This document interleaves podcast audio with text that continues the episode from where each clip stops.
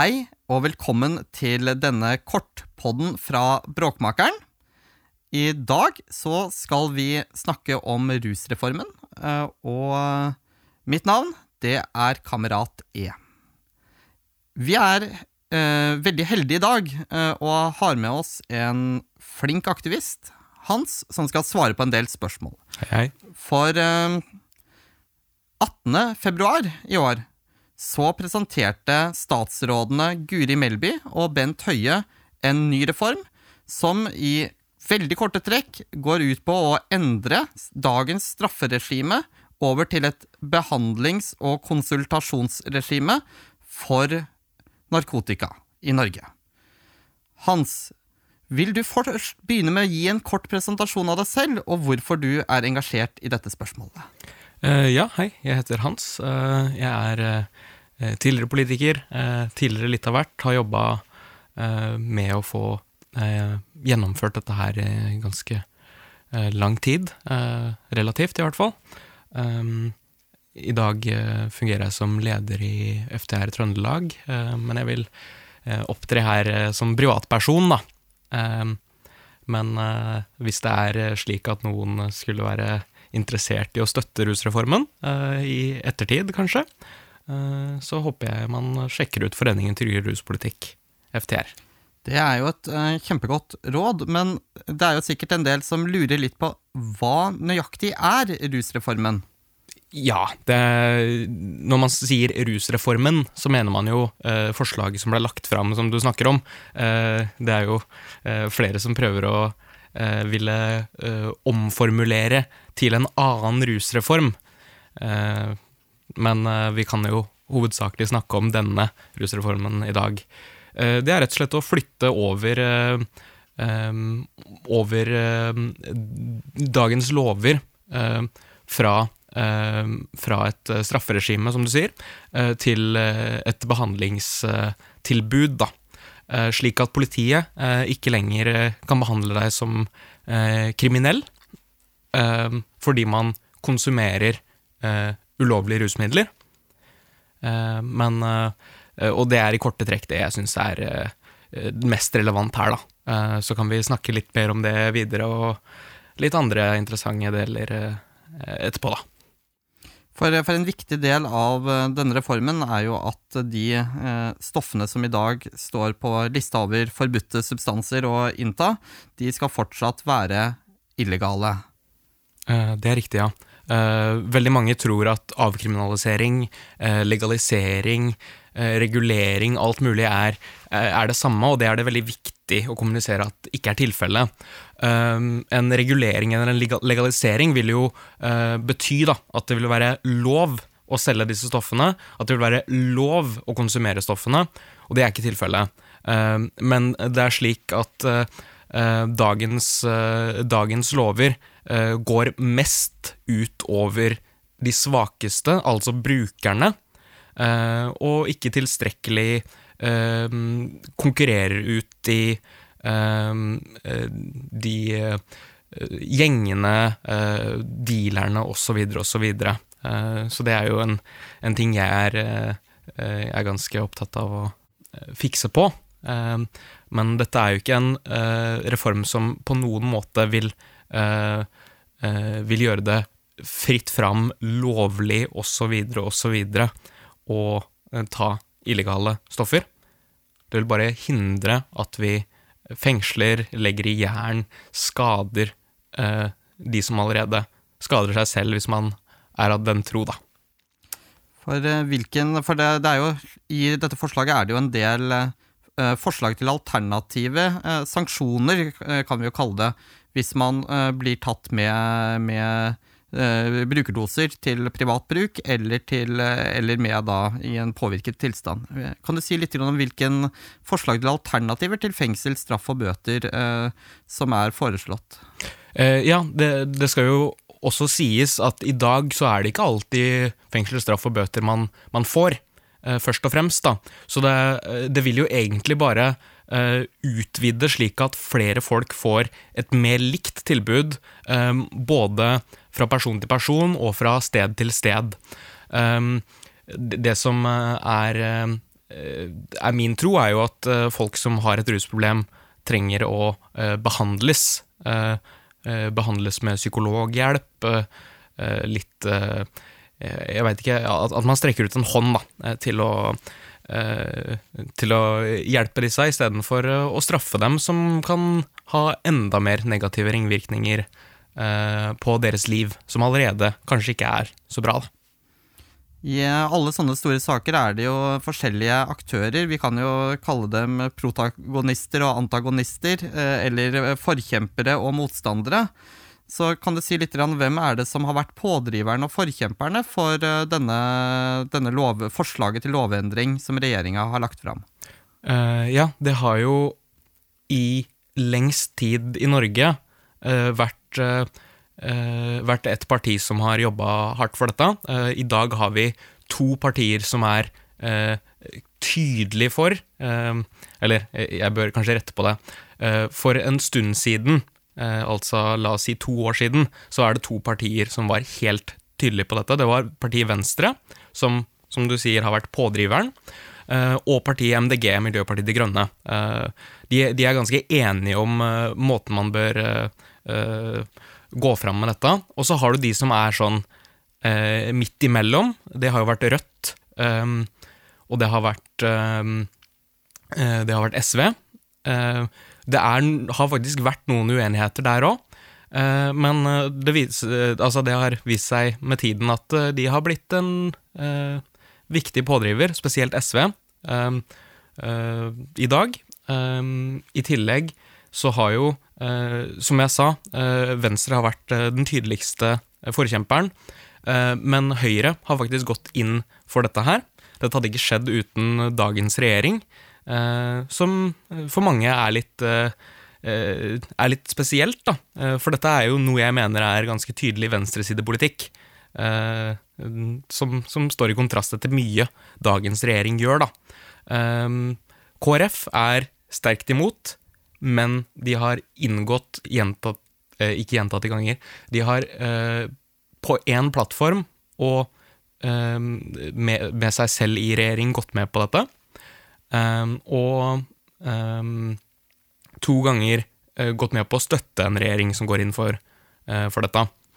Eh, men eh, så har vi de som er veldig utydelige, da.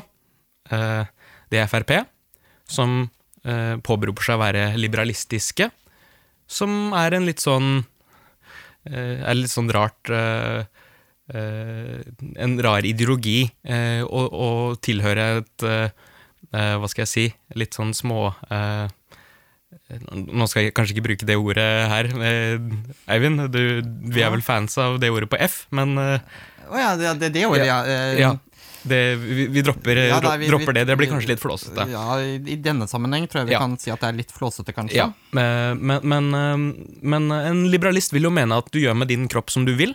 eh, Og det, eh, det håper jeg da de ender opp med å, eh, å stemme for, da. Eh, Og største eh, de, to største motstanderne i dag kan jo sies å være Senterpartiet og Arbeiderpartiet. Um, Arbeiderpartiet eh, er som i alt veldig, veldig uklare, for ikke å si vinglete. Eh, den yngre garden, AUF, men også eh, folk som Kamzy i Oslo. eh, jeg, jeg kommer ikke på så mange andre faktisk som har vært veldig tydelige for dette, men det, det er rett og slett fordi at Arbeiderpartiet er så stort, og man har på en måte en sånn, et ansvar for å ikke gå ut med noe veldig eh, Kan du der også nevne f.eks. Roger, Roger Valhammer, byrådsleder i Bergen, og Hordaland Arbeiderparti har jo lenge vært, eh, vært eh, pådriver internt i Arbeiderpartiet sammen med Oslo og det som før het Akershus, for, for endring. Eh, Men på den annen side så har vi jo eh, i Arbeiderpartiet, som er jo et stort, som du nevnte, og, men også splittet parti, har vi jo noen sånne folk oppe i et eh, fylke som heter Trøndelag, da. En fylkesordfører, blant annet. Eh, ja, Tore Sandvik Ja. eh, er det mye snakk om. Eh, det er jo trist eh, at at det skal jobbes så iherdig mot en slik reform, eh, som ønsker å begrense politiets makt til å straffe, men også å styrke politiets eh, mulighet til å hjelpe. Eh, og etter min mening er jo det den store sosialdemokratiske tankegangen, da. At man skal hjelpe der man kan, og ikke straffe unødvendig. Eh, men, eh, men, på dette, dette spørsmålet er eh, Arbeiderpartiet svært, svært splitta. Um, så uh, det har egentlig ikke noe å si hva Frp og Senterpartiet sier hvis Arbeiderpartiet blir for. Um, men vi håper jo på at, uh, på at noen i Frp og noen i Arbeiderpartiet går inn for det. Um, Senterpartiet vil Altså, de, de kaller seg selv Blander seg selv som den største motstanderen av dette her. Så jeg tror ikke det er noe håp i det hele tatt. Eh, men vi skal gjøre det vi kan for å, for å prøve å overbevise de progressive stemmene eh, vi kan eh, snakke med, da. Så det er med andre ord en fordel at vi i hvert fall ikke har en Senterpartiledet regjering for hvis denne reformen skal kunne ha sjanse til å gå igjennom, i hvert fall i noe som minner om den formen det har i dag. Det er jo slik at det ser ut til at avstemningen blir i mai, før et eventuelt regjeringsskifte. Men, men, hvis det er slik at rusreformen går igjennom i mai, eh, eller i denne perioden, så har også eh, Senterpartiet varsla omkamp hvis de vinner eh, neste valg. Om jeg vinner neste valg, så veit jeg ikke om de mener om vi blir det største partiet i regjeringen, eller om, eh, om de kommer til makta og det vil være stilt som et ultimatum. Eh, og jeg håper uh, virkelig ikke at det vil skje. Um, nå, nå, uh, nå, snakker jeg først og fremst om uh, posisjonen på, på rusreformen, men også mye annen politikk som ikke helt er forenlig med, med mitt verdisyn, men det er en annen sak, Eivind. Ja, nei, Vi sikkert, vi kunne sikkert ha snakket lenge om Senterpartiet og, deres, om hvorvidt de står for grønne verdier i den ene eller andre eller tredje betydningen av, av det begrepet. Eh, men litt tilbake til, til, til, reformen. Hvorfor mener du at det er viktig at vi har en slik reform? Fordi vi har hatt 50 år, 40-50 år med, eh, med, en krig mot narkotika eh, som ikke har fungert slik den skal. Og med ikke har fungert slik den skal, som, så legger jeg veldig mye godvilje faktisk. Um, dette var jo en uh, kamp som starta på 60-70-tallet. Uh, ehm, I stor grad uh, i statene av en mann som heter Richard Nixon, som mange er kjent med. Um, og det var rett og slett brukt Kampen mot narkotika på den tiden var brukt som et Som en måte å jeg, jeg vet ikke det nøyaktige begrepet for dette, men, men men å um, skjule sine intensjoner eh, som noe annet enn det de er, da. Eh, rett og slett å fange eh, og fengsle meksikanere, latinamerikanere og svarte. og i Norge så, så vil jeg ikke si at dette var intensjonen, men vi fulgte etter fordi vi trodde på eh, forbudspolitikken. Um, den har jo som sagt slått ut feil hvis man eh, har som mål å eh, hjelpe folk og beskytte folk.